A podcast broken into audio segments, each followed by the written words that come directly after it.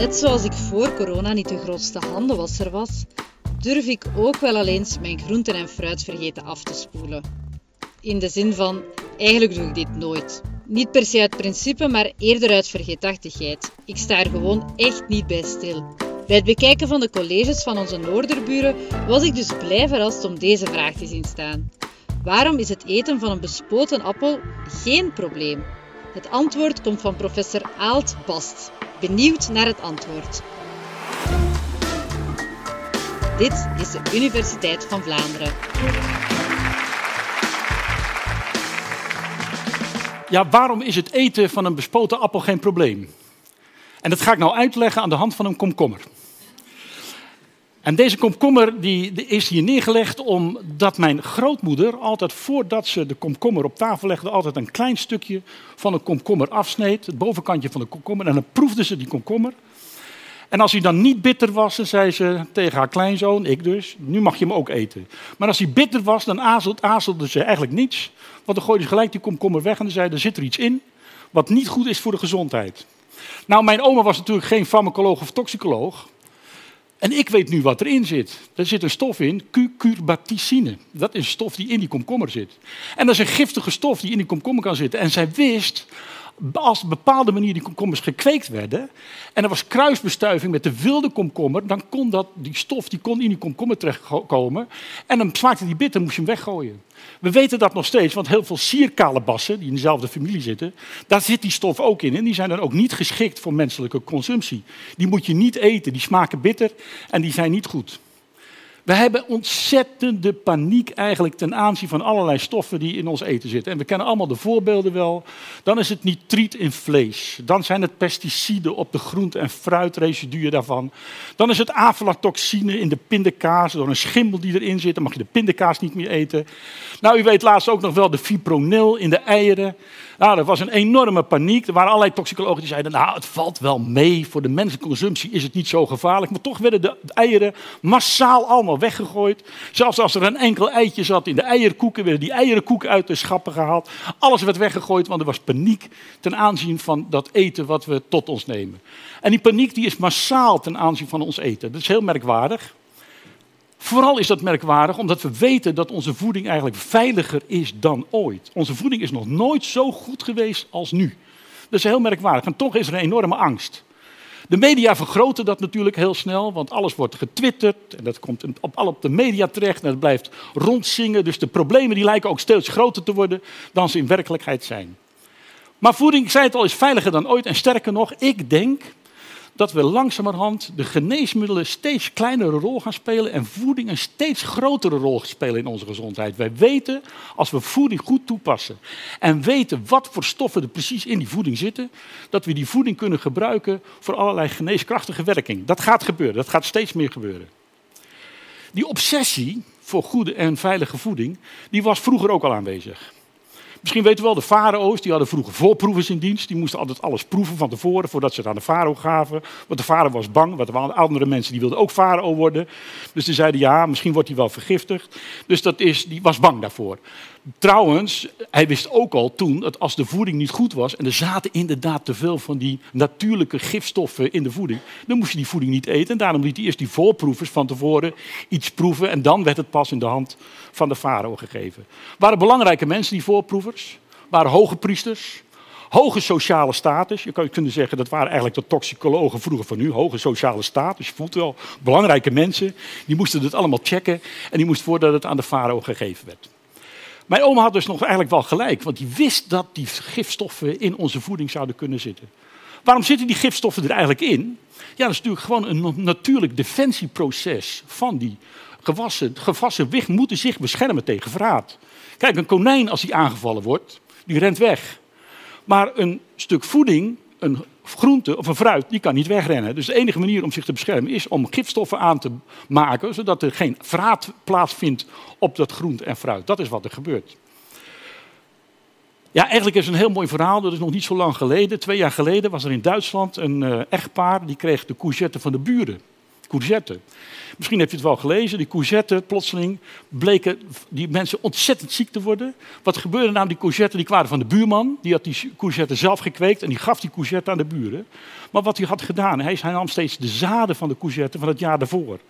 Dus hij had steeds die zaden van de courgette gebruikt. En op een gegeven moment kwam er kruisbestuiving met de wilde variant van de courgette. En kwamen er te veel gifstoffen in die courgette. De oude man, die overleed. En zijn vrouw van het echtpaar, die heeft het net overleefd. Dus die waren doodziek, van, letterlijk doodziek van het eten van de courgette die kruisbestuift was uh, met de wilde variant van de courgette. Dus mijn oma had, nog, die, die, had behoorlijk, die had het behoorlijk bij het rechte eind om te zorgen dat je niet die gifstoffen in, het, uh, in, het, in de groente en de fruit moet hebben.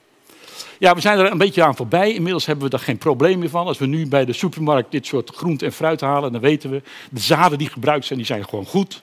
En wat we eten, dat is in orde en we hoeven niet meer bang te zijn voor die natuurlijke toxines, natuurlijke gifstoffen, die in hoge mate in groente en fruit zitten. Dat is, dat is allemaal weggehaald door die gewassen te cultiveren en daar hebben we geen last meer van. Sterker nog, als we nu naar de broccoli kijken, daar zit daar een stof in, sulfarafaan. En die stof die in die broccoli zit, dat weten we, dat is ook een gifstof. Maar als dat een klein beetje van die gifstof is, weten we nu dat het een heel gezondheidsbevorderend effect heeft. Spruitjes geldt het ook van, daar zit die stof in, maar vooral in broccoli zit die stof. En we weten nu, dat is ook een gifstof, maar een klein beetje van die gifstof zorgt ervoor dat je endogene systeem, je eigen beschermingssysteem dat je hebt, in allerlei organen dat het aangejaagd wordt door een klein beetje van die gifstof. En, nu is die gifstof van broccoli al gebruikt bij allerlei ziekten en heeft een gunstig effect bij het behandelen van allerlei ziektebeelden. Dat ten aanzien van uh, broccoli.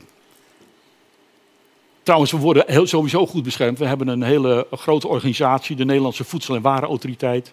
En die checkt af en toe, proeft, uh, die doet uh, steekproeven en die checkt dan of de gifstoffen in onze voeding zitten. En als dat te veel is, dan wordt een hele serie uh, materiaal gewoon uit de handel gehaald natuurlijk. Dat is de NVWA. Er is ook een beroemde toxicoloog, Bruce Ames, een hele beroemde toxicoloog in Amerika, inmiddels al behoorlijk op leeftijd.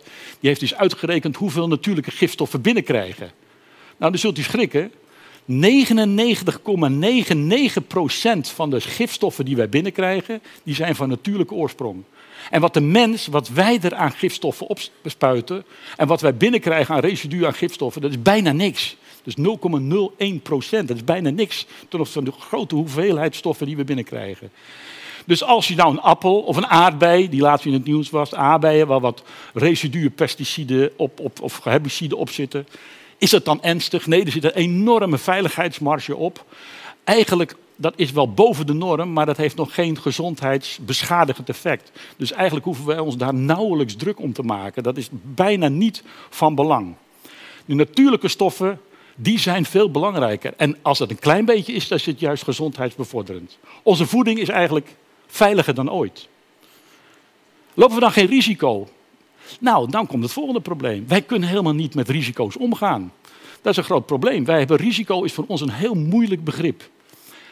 Was laatst op het nieuws, misschien weet u dat nog, rood vlees geeft een, mogelijke verhoging van de kans op darmkanker. Het relatief risico dat dat gebeurt bij rood vlees was 1,2. Wat wil nou dat getal zeggen, 1,2? Dat wil zeggen, nou normaal laten we zeggen dat vijf mensen van de 100 darm krijgen. Als het nou 6 van de 100 worden, dan heb je een relatief risico van 1,2. Om even een klein beetje te voelen hoe groot dat risico is. Dat is eigenlijk bijna niks. Om nou aan te geven hoe klein dat risico is. Als je 20 uur per week televisie kijkt, dan neemt de kans op darmkanker ook toe met een relatief risico van 1,2. Nou, wie kijkt er niet 20 uur per week televisie stil op de bank? Dan heb je ook een verhoging van darmkanker van 1,2. Zo groot is het risico. Maar dat wordt natuurlijk door de media enorm opgeblazen. En dan zie je dat er enorm veel uh, uh, drukte omgemaakt wordt. Maar eigenlijk is het maar een heel, heel klein risico. Risico, industrie speelt daar natuurlijk heel makkelijk op in. En zegt, ik wil risicoloos eten. Dus wat zeg je dan? Alles wat je doet is biologisch. Dus wat zetten we voor voeding? Bio. Moet je maar eens kijken op de schappen. Je koopt geen vitamine C, maar je koopt liever bio-vitamine C. Je denkt dat is beter. Nou, het is precies hetzelfde molecuul, maar je denkt het is beter, want het is bio-vitamine C. Ja, ik heb nog een paar mooie voorbeelden hier meegenomen. Bijvoorbeeld deze. Dit is gewoon geen chroom, maar het is biochroom. Nou ik geen flauw idee wat bio is en chroom. Dat is een chemisch element. Dus eigenlijk moet, heet, dat, moet dat heten chemochromium. Dat klinkt trouwens ook veel leuker, maar we zeggen biochroom. Om te laten zien dat het biologisch is. Of deze vind ik ook wel mooi. Dit is een vitamine, want vitamines zijn dan altijd goed. Dit is vitamine B50. Ja, dat bestaat niet, B50. Dan denk je, waarom heet het dan B50? denk je, nou, het zullen wel 50 capsules zijn, maar het staat hier onderop 100 capsules. Dus dat is het ook niet. Dus ik weet niet wat het is, maar het klinkt wel heel gezond. Dit vind ik de allerleukste. Dat is vitamine F. Ik heb hem eens opgezocht, farmacologieboek erop nageslagen. Vitamine A, B, C, D, E, K. F bestaat niet. Is een niet bestaand vitamine, maar als je het neemt, denk je wel, er zit een vitamine in. Dus het is gezond. Dus we denken, omdat we risico lopen, proberen we dat risico af te dekken met goede bewoordingen. En proberen dat risico dan weg te halen door woorden als bio of vitamine in die uh, preparaten te zetten. Eigenlijk is dat jammer. Onze voeding veiliger dan ooit.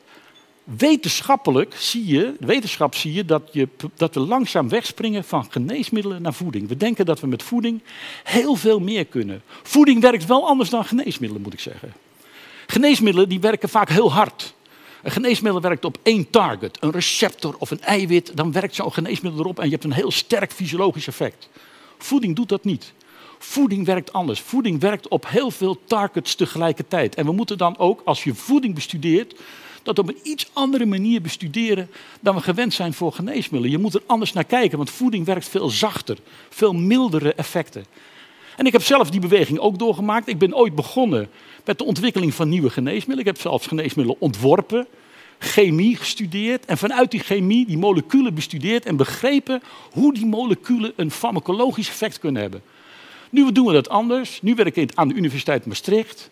En zelfs op een speciaal stuk van de Universiteit Maastricht, een satellietvestiging van Maastricht in Venlo, waar we heel veel extra aandacht besteden aan gezonde en veilige voeding.